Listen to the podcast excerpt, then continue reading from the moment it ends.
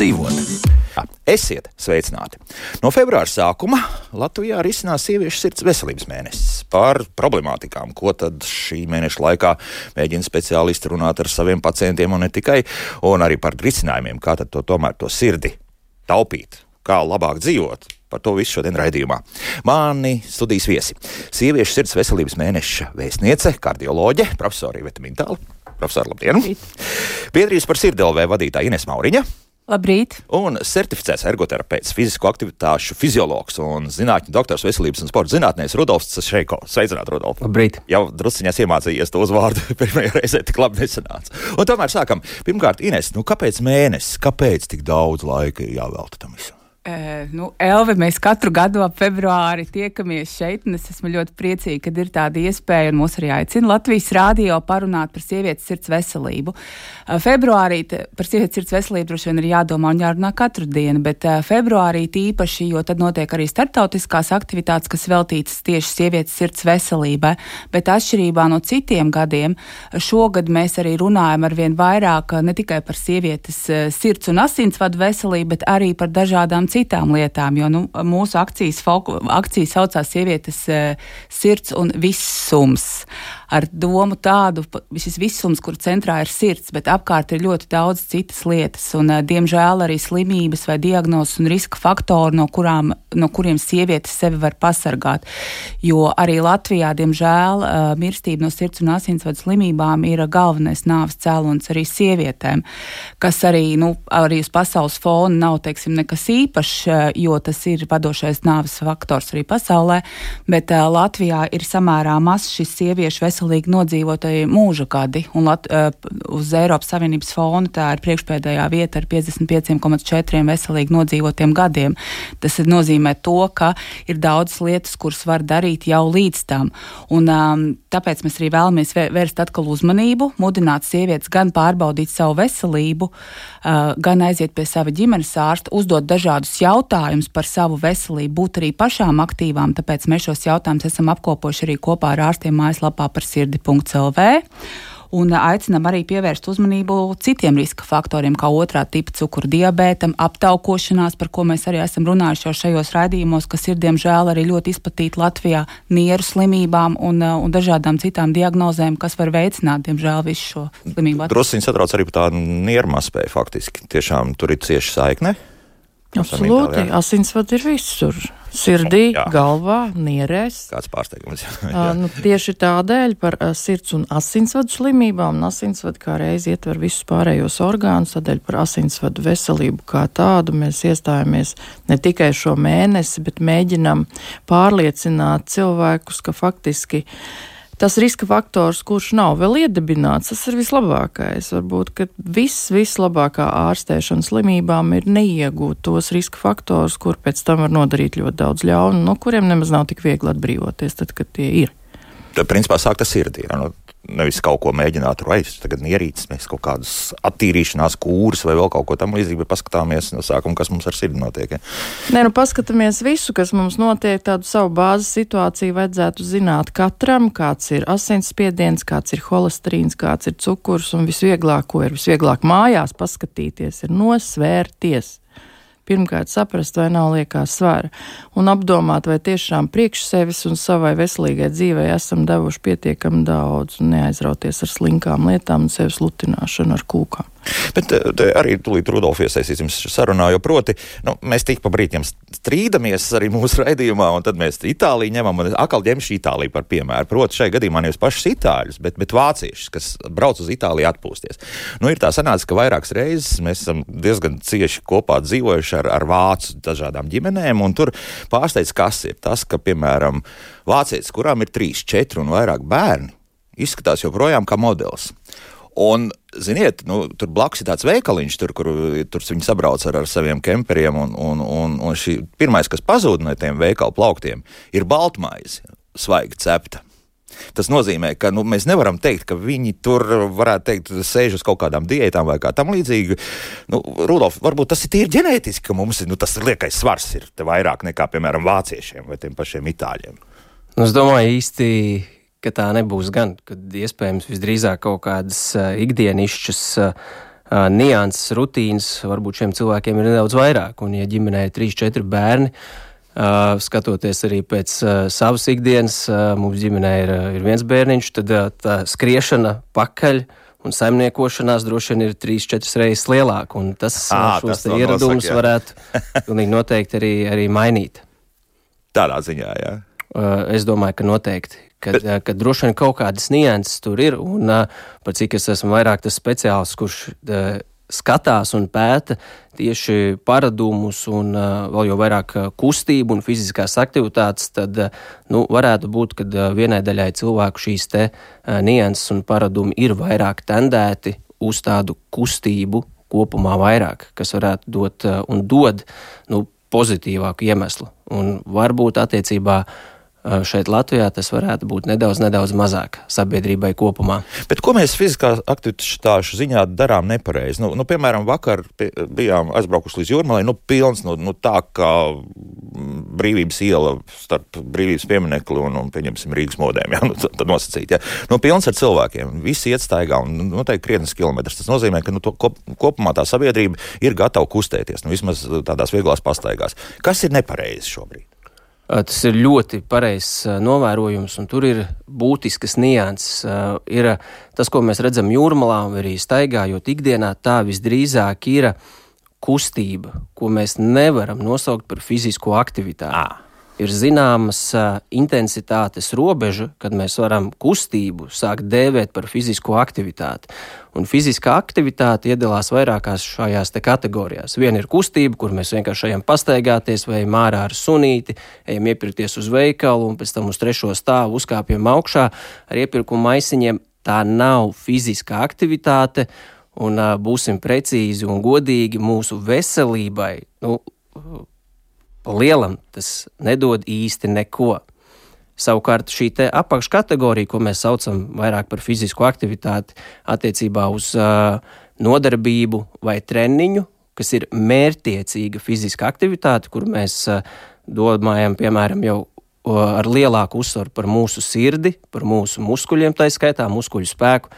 Tā jau ir ar lielu pievienoto vērtību. Fiziska aktivitāte ir būtiskas atšķirības tajā visā. Atslēgas faktors ir intensitāte. Tomēr mēs arī mudinām un aicinām cilvēkus uh, būt kustīgiem un arī staigāt uh, gar jūrmālu brīvdienās, kas arī ir lieliski. Arī, arī, Arī, arī. tieši, bet vēl, tad vēl papildus kaut ko. Jā. Tā vienkārši mēs cauri netiksim. Uh, tas būs uh, par stipri, stipri par maz. Jā, profesor Mintāl, tā, tā viltīgi pasmaidīja, jo Nē, nē, es absolūti piekrītu. Tas, protams, ir ļoti atkarīgs arī no pacienta vecuma, ā, cilvēka vecuma un, un viņa iepriekšējās, teiksim, sagatavotības. Dažiem arī iziet ar suni un uzkāpt trešā stāvā būs ļoti, ļoti labi, 70 gadi un pāri. Un mēs ļoti gribētu, lai tie cilvēki vispār iziet no mājas un izkustās. Bet taisnība vien, nu ne jau tikai tā tāda šļūkājoša staigāšana būs tā, kas dos veselību. Nu, tur nāk tad visas iespējamās variācijas. Pareizes ļoti, ļoti arī labprāt piekristu mērķtiecīgām lietām. Tas, kā mēs mērķējam un domājam, ko mēs darām un kā labā mēs to darām, tas absolūti attiecas arī uz fiskultūru un vispārējo. Kā vienu no atkal. Jā, Jā, kā vienu absolūti. no. Jā. Jā. Jo, jo cilvēki redz, viens pirmais jautājums, nu, eh, uzreiz tā, tā jautā, katru dienu apēd vienu ķiploku daiviņu, vai ir labi? Nu, tad, respektīvi, mēs gribam ar tādām minimālām slodzēm, minimālu varbūt ēdienas paradumu maiņu vai ko tam līdzīgi tikt cauri. Varam? Nevaram. Nav vienas lietas, kas izārstē dažādas Visu. sarežģītas slimības. Arī, ja mēs runājam par ēšanu, tad tur ir tāds uh, ēdiena kopums, kur katra sastāvdaļa papildina vienu otru, palīdz arī pareizi uzsūkties, un tieši tādēļ mēs runājam par kvalitatīvu ēdienu. Mazāk, bet ar lielāku kvalitāti, līdz ar to augstāk pievienoto vērtību. Arī tas, jā, nu, nu, tad atkārtosim kārtīgi reizi, kas būtu šajā skaistajā pusdienu piedāvājumā nepieciešams. Pusdienu. Nu, pusdienu, jā, nu, nu, tuvojas. es gan gribētu teikt, ka ēšana būtu jāplāno kādu nedēļu uz priekšu.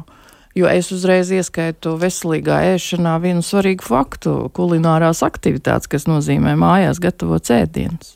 Kur mēs zinām, ko mēs pieliekam, kam mēs pieliekam un kādu rezultātu gribam dabūt.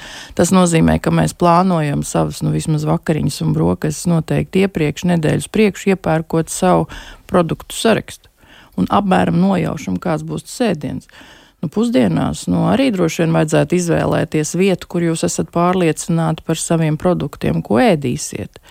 Kādi tie ir, no kurienes tie ir, kādos taukos viņi ir gatavoti, un vai tiešām tie jau nav glabāti nes cik gadus Tur, armijas nu, rezervēs. Jā, nu daļu jau mēs redzam uz iepakojuma, kas ir rakstīts. Nu, tad, kad jūs ejat uz sabiedriskās ēdināšanas Ah, iestādi, tur neviens jums neizstāstīs, kur un kā. Un Tas pajautājiet gan, kaut gan. vienu jautājumu, mums uzburkšies tā, ka es negribēsiet. Jā. Tas ir arī skaidrs. Pajautājiet, kādā eļļā cepā to karbonātu. Nu, Gribu redzēt rapšu jūs labo garstāvokli pēc tam. Nu, es zinu, ka profesoram Itālijā apšēļ galīgi nepatīk, vai ne? Bet, bet nu, Nu, tas, tas būs viena no Šajā pirmajām jautājumā es izsakos pēc zinātnes pierādījumiem, nevis pēc savas pārliecības. Tātad ar uh, sabiedriskās ēdināšanas sektoru mums varētu būt zināmas problēmas. Jā, gribētos vairāk atklātības, atvērtības un skaidrības. Un, ja jūs tiešām liekat uz produktu ir un par ražotājiem, tad godīgumu pret saviem līdzcilvēkiem, ja tiešām tiek likts uz, uz produktu stāsts, roku darbs ar mīlestību un mājās gatavots, tad gribētos, lai tiešām tas godīgi tā arī būtu. Jo citādi, protams, cilvēki, kas par sevi rūpējās, vienmēr ir lasījis, lasījis etiķetes un uz kādu ilgāku laiku izlasot to sastāvu, protams, šo produktu nepirks. Kas, kas labi? Varbūt nu, cilvēks sāk domāt. Priekš tā cilvēka, jā. Jā, jā. priekšražotāji, Nu jā, kam bet-. Jā, bet lūk, mūsu radioklausītāja Jūlijas, starp citu, iezīmē nu, tādu pamatīgu problēmu. Nu, Ana ir 15 minūšu laika vakarā sev.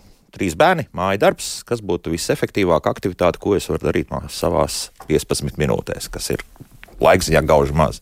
Ļoti labs jautājums, un nedaudz papildinot par to ķiplociņu. Ja mēs ķiplociņam pieliktu klāt vēl 15 līdz 30 minūtes aerobo, jeb kardio slodzīti, nu, tas jau būtu ļoti, ļoti labs tāds komplekss. Par šīm te 15 minūtēm uh, ir ļoti labi risinājumi, un tieši kas uh, oriģināli ir radušies arī no klīnisko pētījumu rezultātiem tieši kardioloģijā, lai mēs varētu iedot uh, labu uh, efektu tieši mūsu kardiovaskulārai sistēmai, gan cilvēkiem, kuriem nav būtisks veselības problēmas, arī tādiem, kuriem ir dažādi veidi jau kardioloģisks nianses. Nu, piemēram, mēs sākam ar četru minūšu soļošanu. To var darīt istabā, soļojot uz vietas. Protams, ka labāk ir kustēties ārā vai arī uz kādu trenižieru. Galvenais uzsvars ir tāds, ka tā ir aerobā slodze. Tas nozīmē, to, ka aktivitātē ir iesaistīts viss ķermenis, strādā viss organisms. Un četras minūtes mēs mierīgi iesildamies. Pēc tam četras minūtes mums šī aktivitāte ir jādara nedaudz straujāk. Un tam tempam ir jābūt tādam, ka četru minūšu laikā mūsu sirdsdarbības frekvence pamazām uzkāpj uz augšu. Līdz cik? Tas ir ļoti individuāli. Katram cilvēkam ir savas ā, nianses.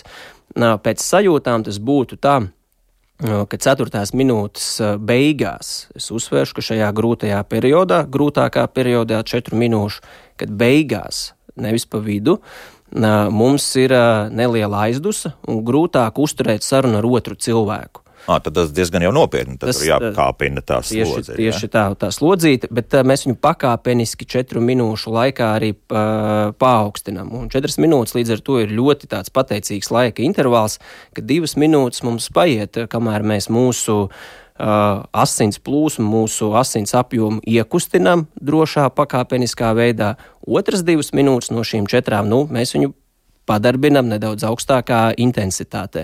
Apmēram pēc pulsa skatoties, nu, mums nevajadzētu pārsniegt kādus 85% no mūsu maksimālās sirdsdarbības frekvences. Tur atkal rēķinam to. Tur stāstu, rēķinām jā, maksimālo jā, uh, 211 mīnus iekavās 0,64 reizes vecums gados, un mēs varam nu, diezgan precīzi aprēķināt paredzamo maksimālo sirdsdarbības frekvenci. Jā, mums tagad ir divi intervāli, četri un četri. Jā. Mums vēl paliek vēl drusciņa laika, Tieši tā. ko pielikt vēl. Jā, vēl un to mēs esam vēl cītīgi, cītīgi četras minūtes esam pastrādājuši. Tagad mums ir jādod ir ā, četru minūšu atkal mierīgais periods. Jā. Lai mēs nepārslogojam sevi, dodam iespēju organismam nomierināties. Nu, ja vēl šīs 15 minūtes nav aizpildītas, būtu lieliski, ja mēs varētu uztaisīt vēl vienu 4 minūšu intensīvāku periodu. Tā, Rudolf, lai ekonomētu mūsu radioklausītāju laiku, tās pirmās četras minūtes mēs kaut kā varam tur kaut ko pa to māju darām un jau, nezinu, viegls pietupienas taisīt vai vēl kaut ko tam līdzīgu, lai, lai pēc tam varētu tas varētu skriet, būt. Tas varētu būt skrējienu ārpus sev. Jā, tas varētu būt arī liederīgi, bet kā mēs darām iekštelpās, ja tiešām ir slidens laiks un, un lietus līst ļoti daudz, tad mēs soļojam raitā tempā uz vietas iekštelpās, un katru šo te var darīt savā tempā. Ja grūti noturēt līdzsvaru, var pieturēties pie krēsla, var arī nedaudz imitēt soļošanu sēdus, un var arī tādā mazā riksītī pa istabu priekšu apkaļ arī, arī nedaudz paskriet, un uh, mēs ļoti labi pakāpenisku organismu arī sagatavosim. Tad, principā tā, nu, ja es pieļauju, ka tas varētu būt tāds vakars skrējiens, tad tam nav jā, obligāti jābūt 3-4 km, tur, nu, sanāks, nu, varbūt var paspēt, nu, pusotru, jā, divus, nu. Jā, taisnība, jā, jā. un uh, tas būs ļoti, ļoti liels pluss, un ja šādus intervālus mēs uztaisam četras reizes nedēļā, nu, tad mūsu kardiovaskulārā sistēma būs ļoti, ļoti pateicīga. Lūk, profesor Min mentāli arī māja galva. Jā, ir labi. Bet, eh, starp citu, Ines, nu, ir tas, ka runājot, eh, nu, teiksim, kur ārsti ar, ar saviem pacientiem un arī interesanti, ka runājas tas, ka tā laika problēma ir viena no tām, kas, kas kaut kādā veidā traucē, teiksim, pievērsties fiziskām aktivitātēm, varbūt arī labēdienu gatavošanai, kas zina. Zin, kā ir tāds teiciens, laiks ir vienmēr. Laiks vienkārši ir. Jautājums, kā mēs viņu izmantojam un kas ir prioritāte. Mēs jau arī par to arī esam iepriekš runājuši, un arī jūs savos raidījumos ir tāda laba funkcija telefonos kurā var apskatīties, cik daudz laika mēs izmantojam, kuros sociālajos tīklos, piemēram. Un patiesībā tas ir ļoti pārsteidzoši, jo cik es runāju ar cilvēkiem, apskatoties to, cilvēki ir pārsteigti, cik daudz laika pazūd internetā, cik daudz pazūd laika Facebookā un vis kaut kur citur. Un tur var savākt tās vairāk nekā 15 minūtes. Bet, protams, cilvēkam katram tā ikdiena ir savādāka. Bet es domāju, 15 minūtes jau savai veselībai, nu, kur tad, kur, kam tad, kas tad ir vēl svarīgāk patiesībā? Nu, recepti pat mēs miets. iedavām. Jā. Bet savukārt par to, ko arī Rudolfs jau teica, vislabāk es ieteiktu, ja ir tāda iespēja un jūs dzīvojat Rīgā, izmantot uh, iespēju un atnākt un pa, pašiem pamēģināt kopā ar Rudolfu patrenēties. Un tas notiek arī mūsu šīs uh, sievietes sirds veselības akcijas ietveros. Sesdienas rīti sirds ritmā saucās. Un tur ir aicināts ik viens, kam rūp veselība, pievienoties. Ik viens vai ik viena? Uh, akcijas ietveros mēs kā, sākām šo akciju kopā ar Rudolfu, kad mēs uzrunājām, tad mēs aicinājām sievietes, nu pat cik šis ir sievietes sirds veselības mēnesis, bet Rudolfs arī var pastāstīt sīkāk, šīs aktivitātes jau notiek kādu laiku, un tās sākotnēji bija onkoloģijas pacientiem domātas, un arī joprojām ir. Bet uh, šobrīd tā interese ir ļoti liela, un pievienojušies arī cilvēki dažāda vecuma, dažādu vecumu, dažādu arī fiziskās sagatavotības, arī pati piedalījos, un bija ļoti patīkami pārsteigt redzēt gan gan tur omītes ar mazbērniem, gan jaunākus cilvēkus, gan eh, cilvēkus, kuri iespējams ir pacienti, bet uh, kuri visas šīs slodzes, arī tas, ko Rudolfs stāstīja par šo slodzes kāpināšanu un tam līdzīgi, viņi visu to var izdarīt, jo katram tiek piemērots atbilstošākais.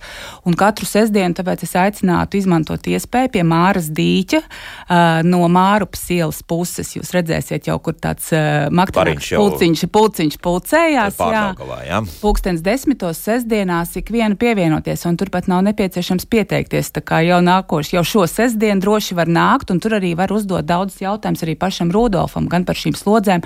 Un tas nenozīmē, ka varbūt ir katru sestdienu tur jānāk, bet tā ir iespēja atnākt, pamēģināt, saprast, un, un tad jau tu pats vari savu laiku plānot un, un iet uz mežu, iet gar jūru un arī šo pašu slodzi. Sestdien tā tad desmitos. Desmitos no rīta pie Māras no dīķa. Nu, tur nenomaldīsieties. Tur pat jau otrā nu, pusē. Būs vēl papildus pastaiga, kamēr maldīsies. Tieši tā, jā. Nu, tad kādi 30 cilvēki mums noteikti pienāks klāt arī šo sestdienu. Nu, redz, vismaz viena no tām aktivitātēm. Bet tāpat redz, ko mums raksta. Nu, mani netraucē laiks, bet slinkums. Viss riebjas ziemā, neko negribas. Es kā floks vienmēr pavasarī atveros. Jā, neraksta. Es pilnīgi saprotu. Tas, kāda, ir, bet, tas ir pilnīgi dabīgi. Bet tas ir, mums ir pusgads. Mums tā mums ziema ir jāgatavojas. No, ir pat ilgāk, jā, nu, teikt. Jā. Tāpat kā augi ievar nu, saulīt uzspīd, tad jau arī februārī ir gatava. Sniega briest un aug un uzņem visas labās vielas, lai var spraukties ārā. Nu, ne bet, jau viņi tur sapuvuši guļ visu. Bet tad var paspēt pat otro pusgadu kaut ko saglābt, nu tāds, tāds ir, irregularitāte pusgadus Nu, īsti, guļam. un Tad... īsti mēs to, ko iegūstam šajos saulainajos un pavasarīgajos, vasarīgajos mēnešos, pienāk šis tumšākais periods uz pusgadu, nu, šie ieguvumi ir pazaudēti. Un uh, organisms tādā ziņā ir uh, brīnumais, ka viņš ļoti ātri adaptējās labiem ieradumiem un fiziskai aktivitātei, regulārai fiziskai aktivitātei. Diemžēl tikpat ātri viņš arī šos ieguvumus pazaudē, ja mēs to pārtraucam. Tā kā es uzskatu, ka lielākā motivācija ir uh, to vienkārši iekļaut savā ikdienā, kā tādu obligātu darbu, kas ir jāizdara.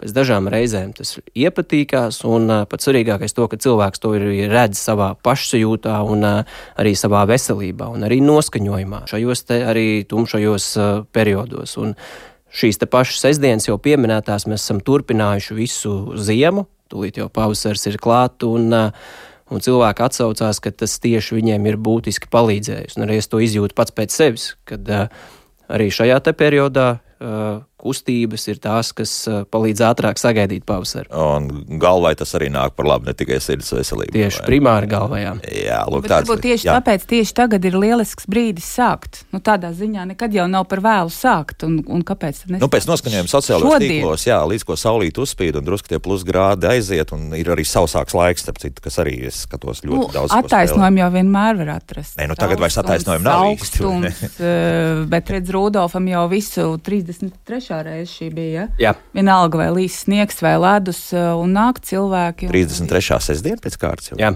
O, Nu, ja? Mēs sākām uh, pagājušajā gadā pie Jāņiem un turpinam. un, un kāds ir atbirums? Nu, parasti kāds tomēr atkrīt vienmēr. vai ne? Uh, nu, mums ir zināms kodols, kas turās ap tie ir apmēram 30 cilvēki. Un, un katru reizi kāds uh, jauns pienāk klāt. Uh, Dažādās vecuma grupās, un ar uh, katram ir savs stāsts, vai nu vienkārši cilvēki grib būt fiziski aktīvs, vai arī ir kādi veselības sarežģījumi, uh, tā skaitā onkoloģija vai kardiosklāras nianses. Un, cilvēki rotē un mainās diezgan daudz. Un, uh, mums ir liels prieks redzēt uh, katru reizi jaunus cilvēkus, jaunas sejas, un, uh, un redzēt viņus arī atkārtot pēc tam.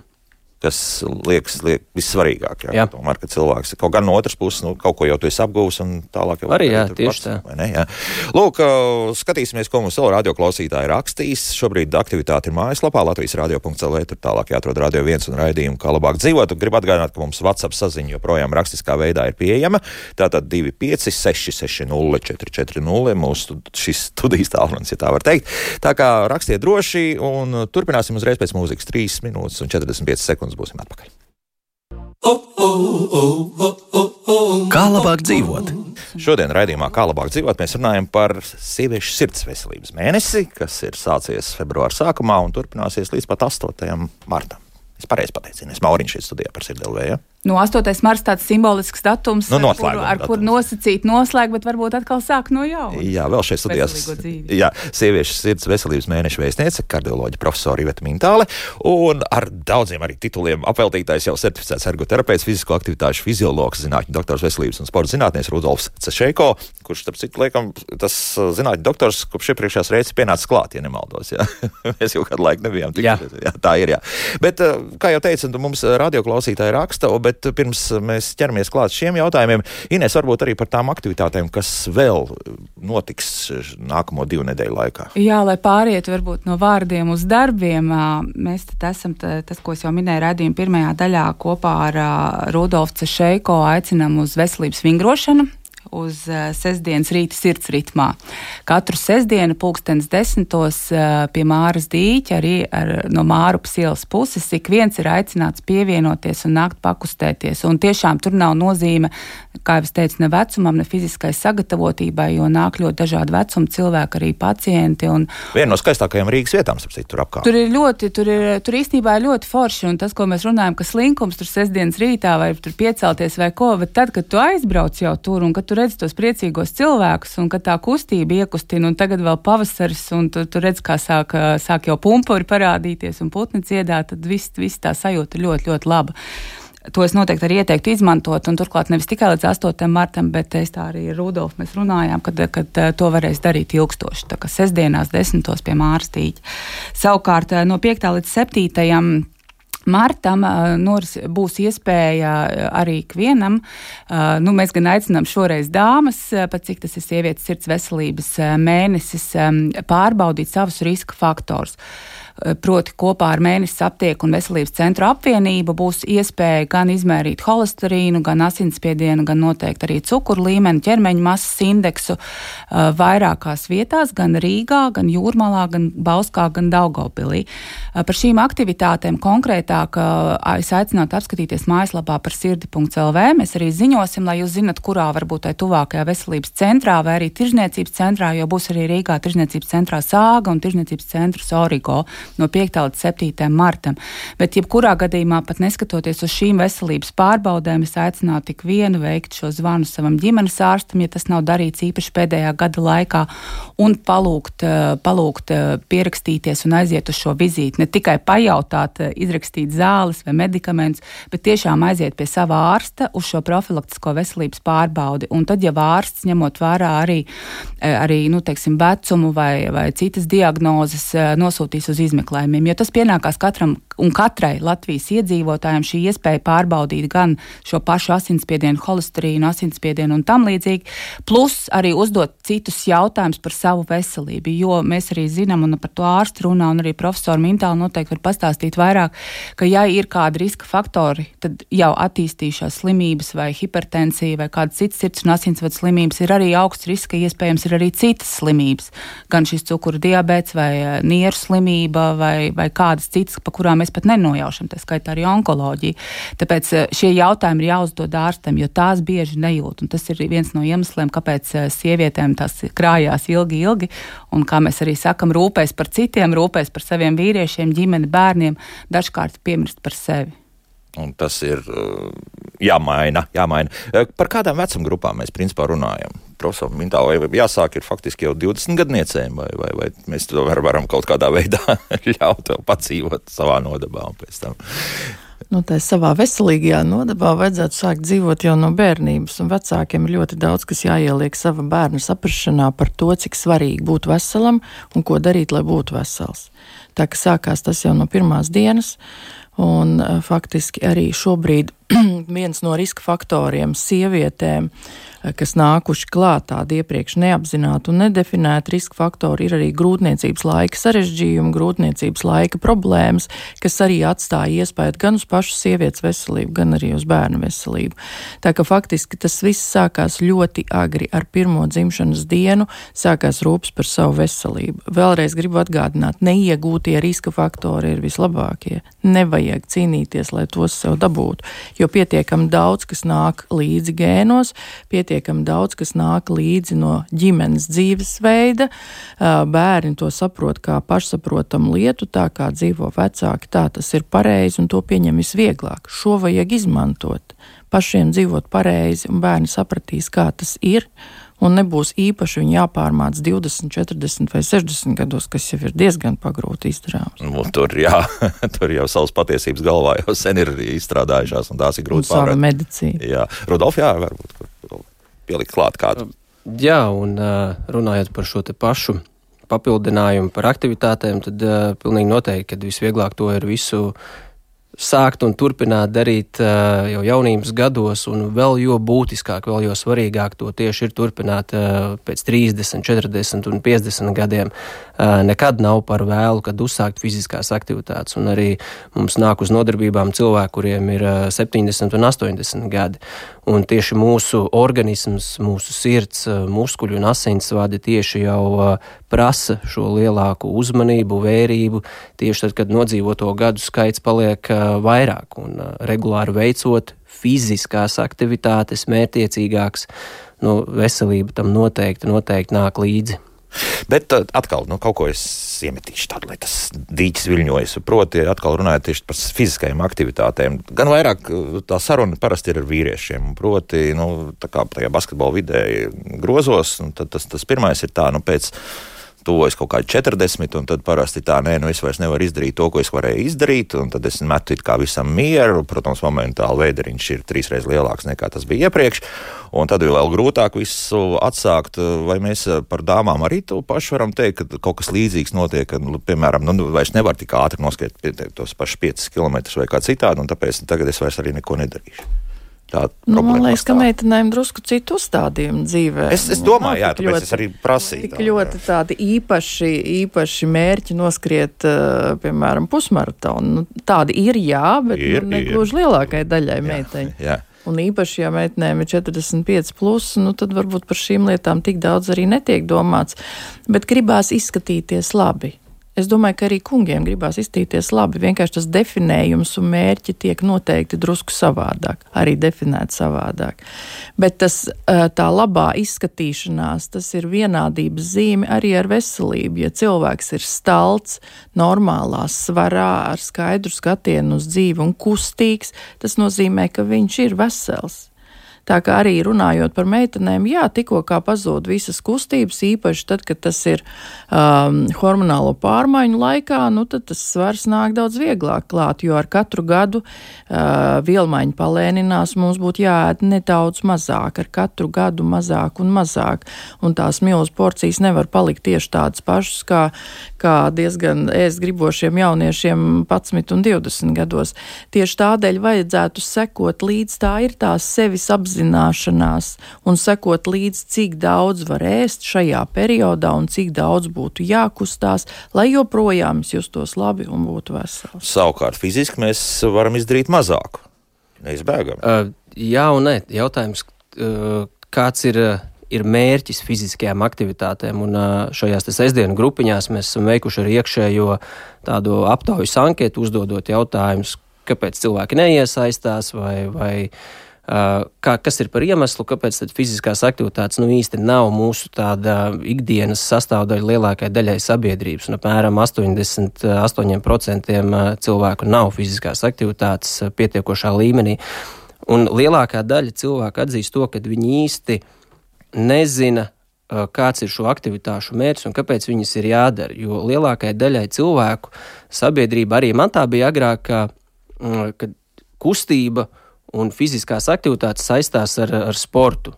Tev vajag ātrāk noskriet 3, 5 km, vai, vai fiziskās aktivitātes ir maratons, vai tas ir skolas laikā ne īpaši nu, patīkama pieredze, ka tev uz laiku ir jānoskrien, vai jāuzlec stāvēkšana, vai barjeras. Un, un praktiski visiem šī asociācija ar to saglabājās.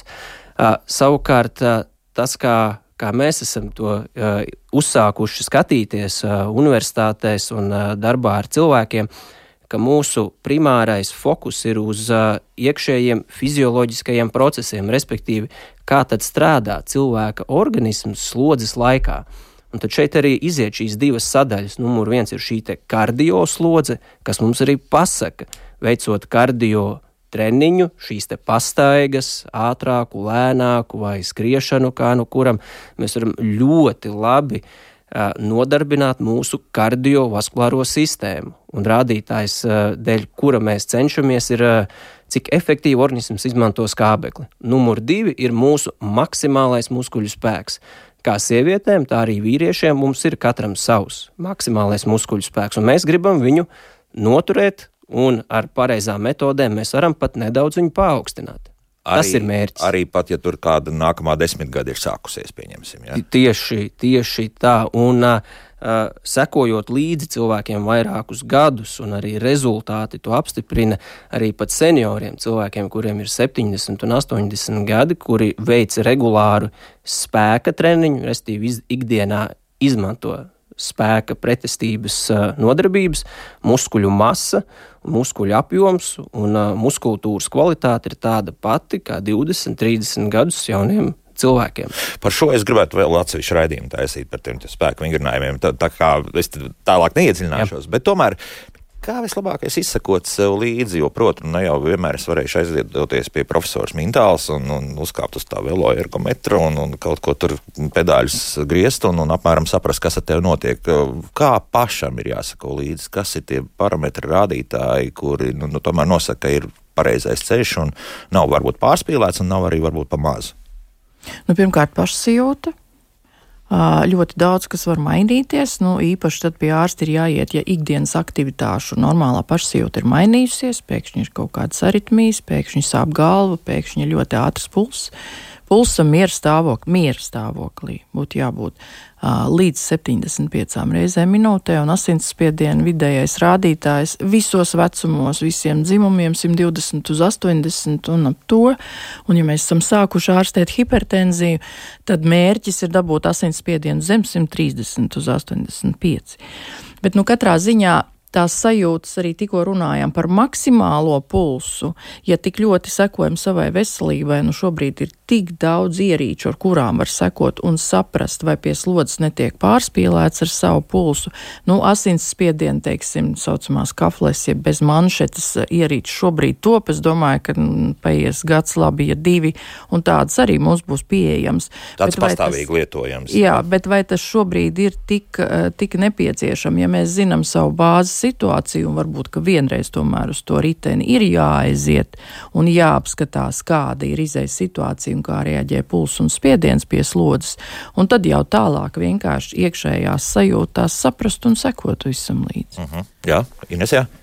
Tāds arī tīri praktisks ieteikums mums ir nesen izveidots mūsu mājaslapā par sirdi.lv speciāli šim nolūkam tāds vienkāršs kalkulators, kurā var arī ievadīt savu mērījumu, piemēram, to starp ķermeņa masas indeksu noteikti un, un vidukļu apkārtmēru. Viss, kas ir nepieciešams, ir mērlente nu, un vēlams arī svāri, lai varētu aprēķināt ķermeņa masas indeksu. Un jūs varat ievadīt savus datus un apskatīties, kāds ir jūsu faktiskais eh, sirds un asinsvadu slimību risks uz šo brīdi. Bet nav tā, ka tur jāņem vērā arī kaut kādas tādas iepriekšējie rādītāji, kas ir bijuši. Nu, varbūt, cilvēki mums ir dažādi. Nu, ir, ir, ir dāmas, kuras ir 1,80 m arī, jā, un ir 1,50 m augumā, un tur varbūt tādas proporcijas arī būtu. Jā, 1,50 m dāmai ir jāsver ļoti maz, 1,80 m nedaudz vairāk, bet arī atbilstoši ķermeņa masas indeksa aprēķini ir diezgan precīzi. Tomēr, jā. Nu, labi. Tā, sākam lēnā garā arī atbildēt uz klausītāju jautājumiem. Nu, protams, tāds jautājums par to, ka kāds ārsts ir ieteicis lietot attiecīgu medikamentu un piedzīvojis sirds daudzīšanās sēriju, nu, uz to mēs tā īsti atbildēt nevaram. Nu, protams, nevaram nesaukt ne pašu medikamentu, nekā citādi, bet, bet ir jautājumi, kur tomēr varam atbildēt. Nu, Aivars raksta, ja ilgmūžības pamatā ir laba veselība, tad klausoties ilgdzīvotāju dzīves stāstos nāksies vilties, jo nekad no viņiem nav dzirdēts par meitiecīgām fiziskām aktivitātēm. Daudz stāstos vienojušies ir vienkārši uzturs un pozitīvs dzīves redzējums. Nu, droši vien tādas speciāli plānotas fiziskās aktivitātes, kā galvenais, galvenais uh, dzīves, teiksim, nu, kvalitātes rādītājs netiek minēts. Es domāju, ka vienkārši netiek minēts. Paskatieties uz tiem ilgdzīvotājiem, vai kaut viens no viņiem ir ar svaru virs simts, Nu, attiecīgi, ja. Bez attiecībām. Parasti viņi ir kalsni, kustīgi, veselīgi un dzīvespriecīgi. Kalsni. Pamat, pamats. Ja? Jā, pilnīgi noteikti. Es varu piekrist. Tas cilvēks jau ir radīts īstenībā jau tādai aktivitātei, darbošanās ikdienā visu laiku, un, un mums, ja godīgi, pat, pat īsti mērķiecīgas fiziskās aktivitātes, sporta zāles kā tādas nu, nebūtu primāri pat nepieciešams, ja mēs ikdienā būtu darbīgi vairāk vai mazāk visas dienas garumā. Rodolf, bet es paskatījos uz jūsu roku, un es redzu, ka tur ir normāli trenēti muskuļi. Nu, bet tie tā arī maksā kaut ko, vai ne? Kilogramu ziņā. uh, nu man vecāki ir ieaudzinājuši šo te, uh, mīlestību pret kustību un, uh, un fiziskajām aktivitātēm. Un, uh, ilgstoši tas tā vienmēr arī ir bijis uh, aktīvs dzīvesveids. Un, uh, nu, ikdiena, mans, mans darbs, arī pētniecības process, man to pieprasa pašam tās lietas, ko mēs dodam cilvēkiem, ir mēģināt uz, uh, uz sevi, pārbaudīt uz sevi, pārbaudīt uh, laboratorijas apstākļos un, un attiecīgi skatīties, ko mēs iegūstam no aktivitātēm. Jo es redzu, ka tā, nu, nezinu, vai tā būtu modes lieta vai kā citādi, bet, bet arī dāmas sāk ļoti bieži tiešām nodarboties ar tādām jau diezgan pamatīgi, nu, teiksim, spēka vingrinājumiem, kur ir, kur ir pamatīgs hantels, faktiski stieņi un, un tā tālāk, jā, kas, kas kādreiz bija tāda absolūta vīriešu prioritāte, nu, teiksim, svaru zālēs vai, vai fitnes zālēs, vai kā mēs to sauksim. Jā, tas šobrīd kļūst ļoti aktuāli jautājums, ja, ja mērķis ir vairāk virzīts uz fitnesa industriju, tas ir cits aspekts, bet ja savukārt cilvēks saprot, ka ir jārūpējās par muskuļu spēku, saprāta robežās celt attiecīgos kilogramus, nu, tas, tas tiešām ir vērtīgi un gudri. Bet ja mērķis ir, ir uztrenēta muskuļu masa dažādās ķermeņa vietās, un tikai tas ir izējas mehānisms, un celt ar vien vairāk lielākus, lielākus svarus un ar viņiem uh, veikt lecienus, uh, tas uh, varētu nebūt īpaši pareizi un piemēroti. Lai pāris labas uh, ķermeņa daļas izskatītos. Jā, jā. Bet, bet to, ka ir nepieciešami pretestības vingrinājumi un nebaidīties no šī vārda ar lielāku pretestību, tas ir ļoti, ļoti apsveicami un nepieciešami. Jā. Profesor, vai tas nozīmē, ka atkal no viena grāvja otrā? Pa daudz? Dažreiz tā notiek no viena grāvja otrā. Esmu redzējusi arī tos cilvēkus, arī jaunākus cilvēkus, kuriem ļoti patīk svaru zāle un, un ļoti daudz muskuļu masas dažādās vietās, kā jau Rudolfs teica, bet, bet uh, tiek aizmirsti arī šiem sportistiem, sportistiem tiek aizmirsta viena lieta, ir zināmas attiecības, ko droši vien, nu, jūs varēsiet izstāstīt precīzāk, starp kardioslodzi un spēka vingrinājumiem, un tās nav viens pret vienu. Un nereti man ir bijuši jauni cilvēki, kur nodarbojas ar sportu, bet fiziski kardioslodzi viņi var izpildīt ārkārtīgi mazu, atbilstoši 70-gadīgam cilvēkam, kurš nav sportojis.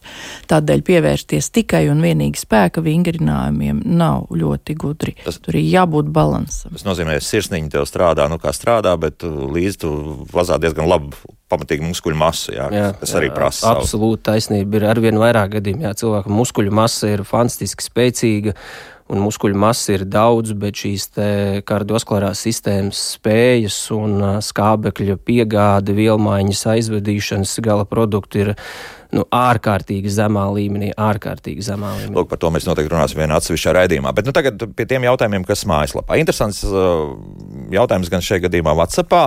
Esmu apmeklējis kardiologu un izējot pārbaudas arī velo. Kardiologs teica, ka mans asinsspiediena tāda norma esot 130 uz 80, nevis uz 120 uz 80.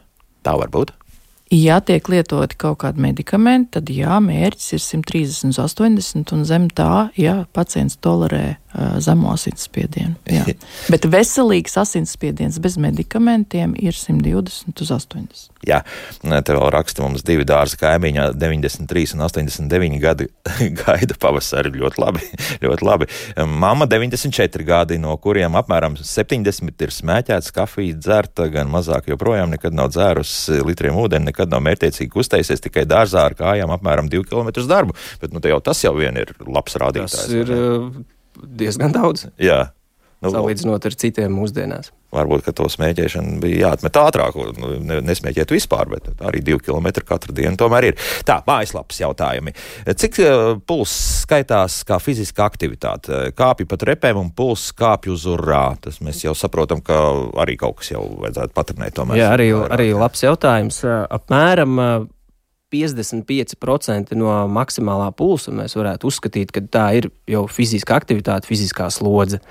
Nu, ja, piemēram, cilvēkam ir 50 gadiem, maksimālais pulss 180, nu, tad apmēram 110 sitieni minūtē mēs uzskatām, ka tā ir jau fiziska piepūle. Trepes tādā ziņā nav īpaši labs indikators, jo mm, šī slodze pieauga pārāk strauji, nekā mūsu kardiovaskulārā sistēma var ieskrieties līdzi. Nu, piemēram, izkāpjot no mašīnas un uzkāpjot uz piekto stāvu, sajūtot lielu aizdusu un tagad šausmināties, ka mums ir slikts kardiovaskulārās sistēmas spējas, mēs īsti nebūs objektīvi. Trepes ir izaicinošs pasākums ja mēs gribētu to pārbaudīt trepju testā, mēs pamazām iesildītos, iestaigātos 4 minūtes, un tad uz 5. stāvu nu, būtu krietni labāk. Tālāk, ejam tālāk. Man nepatīk gatavot. Ko tad īsti pasūtīt tādā gadījumā? Ēst patīk. Nu, es tādu redzot, es domāju, ka patīk. Jā, jā tas man vienmēr sajūsmina šī lieta. Man nepatīk gatavot, bet es ļoti labprāt. Nē, nu kādu problēmu, nu, ja mēs izprotam, ko mēs ēdam un zinām kvalitāti tam, ko ēdam, ir brīnišķīgi, ja blakus ir kāds pavārs vai arī vienkārši pasūtīt, lai atved, jā, bet, nu, galvenais ir runa par to, ka mēs zinām, ko mēs ēdam. Mēs izprotam, kā mēs sportojam, kāpēc un ko darām, lai būtu labi. Tieši tāpat kā mēs zinām, ko mēs ēdam un kāpēc, jo gribam dzīvot veselīgi. Mm -hmm. Pēdējā laikā man veselīgo draugu lokā mode vairāk gaļu ar eļļu necept, un runa ir par tieši par olīveļu, bet ar taukiem. Iemesls - olīveļu viltojumi. Nu, atrodiet olīveļu, kas ir patiešo no ražotāja, nebūs viltojumi. Tā, nu, tad vienkārši ieteikums, protams. Tā pastaigas, kā arī fizisks darbs, kas pātrina sirdsdarbību, ir ļoti labas aktivitātes. Nav visiem jādodas uz sporta nodarbībām. Ja ikdienā esam pietiekoši aktīvi, 15 minūtes varētu tīrīt māju vai spriganu pastaigā ārā. Nu jā, ja, ja pulsiņu mēs nedabūjam augstāk par 110 tīrot māju, tad tā būs uh, vienkārši kustība un tādā ilgtermiņā var būt būtisks uh, uh, nu, veselības, uh, fizisko spēju pieaugumu mēs nenovērotu. Ja mēs iziem ārā spriganāk, tas, tas gan. Nu, vēl ieteikums arī kardiotreniņus rādīt LTV1 regulāri. Kaut ko jau viņi tur dara. Un, un es domāju, ka mēs trīs apvienosimies tā, un tad varēsim rosināt vairāk arī tādas lietas. Es domāju, jārā. ka informācija jau patiesībā ir ļoti daudz. Mm -hmm. Būsim godīgi. Inter... Nu, visur var YouTube atrast, var atrast, ar un arī es zinu, arī, arī cilvēki, vecāki cilvēki arī taču skatās arī to pašu YouTube vai Facebook, ļoti daudz ko var atrast, ja grib, bet nu, tur varbūt drusciņi vajag sevi motivēt. Mm -hmm. Aniko raksta, man patīk Hantels, riebis, dažādi kardiotreniņi nu, druskuļi kaut ko jāpakustas ir un Hantels pieliek. Jā, Hantels un muskuļu spēks ir, ir 1,50% no fiziskajām spējām. Nu, tad otru 50 kardioslodzīti uh, stipri rekomendētu arī savā ikdienā iekļaut. Jā, Kājām uz darbu divus kilometrus. Jā, un Hantels mājās. Jā. jā. Varētu būt labs komplekts. Tā, Ines, vēl atgādinām. Jā, nu tad. Uh Atzīmējot sievietes sirds veselības mēnesi, mudinam ikvienu šodien vērsties pie sava ģimenes ārsta, pieteikties profilaktisko apskati, droši, ja tas nav darīts pēdējā gada laikā, ir īpaši. Savukārt, tas, ko mēs arī aicināsim, aicināsim un darīt to ilgstoši, ir apmeklēt gan fizisko aktivitāšu nodarbību, kas saucās sestdienas rīta sirds ritmā kopā ar Rudolfu Cešeiko, kas notiek pie Māras dīķa no Mārupas ielas puses pulkstenis desmitos katru sestdienu. Un savukārt no 5. līdz 7. Um, martam būs arī ikvienam iespēja Jūrmalā, Rīgā, Bauskā, Daugopilī veikt dažādus riska veselības pārbaudas. Mēs sirds, sievietes sirds veselības mēnesī aicinām īpaši dāmas, un starp citu arī ļoti priecāsies farmaceits, ja jūs ieradīsieties ar kaut ko sarkanu līdzi, jo sarkanā krāsa ir sievietes sirds veselības krāsa. Mēs šodien arī ar profesoru Mintālu ar sarkanīgiem, sarkanīgiem akcentiņiem un ar Rudolfam arī ir sarkana lenta. Man te tas kaut kas ir, jā. un, tā kā, bet es aicinātu informāciju apskatīties mūsu mājaslapā par sirdi.lv, kur var atrast arī padomus un ieteikums un mūsu un kopā ar kardiologiem, endokrinologiem, nefrologiem un citiem speciālistiem gatavotu zinātnē balstītu informāciju un ieteikumus gan par veselības mērījumiem, pārbaudēm, riska faktoriem, ārstēšanu un tam līdzīgi. Lūk tā. Sieviešu sirds veselības mēneša vēstniece, kardioloģe, profesora Iveta Mintāle, biedrības par sirdēlē vadītāja Ines Mauriņo un certificēts ergoterapeits, fizisko aktivitāšu fiziologs, zinātņu doktors veselības un sporta zinātnēs Rudolfs Cešeiko bija kopā ar mums. Paldies par sarunu. Rīt tad uh, ķersimies vienai sabiedrības grupai, kuri patiesībā bieži vien ir ļoti nelaimīgi, bet uh, padarīsim varbūt drusku laimīgākus par nodarbin, pašnodarbinātajiem un viņu tiesībām un pienākumiem runāsim rīt raidījumā. Jauka diena visiem un tā!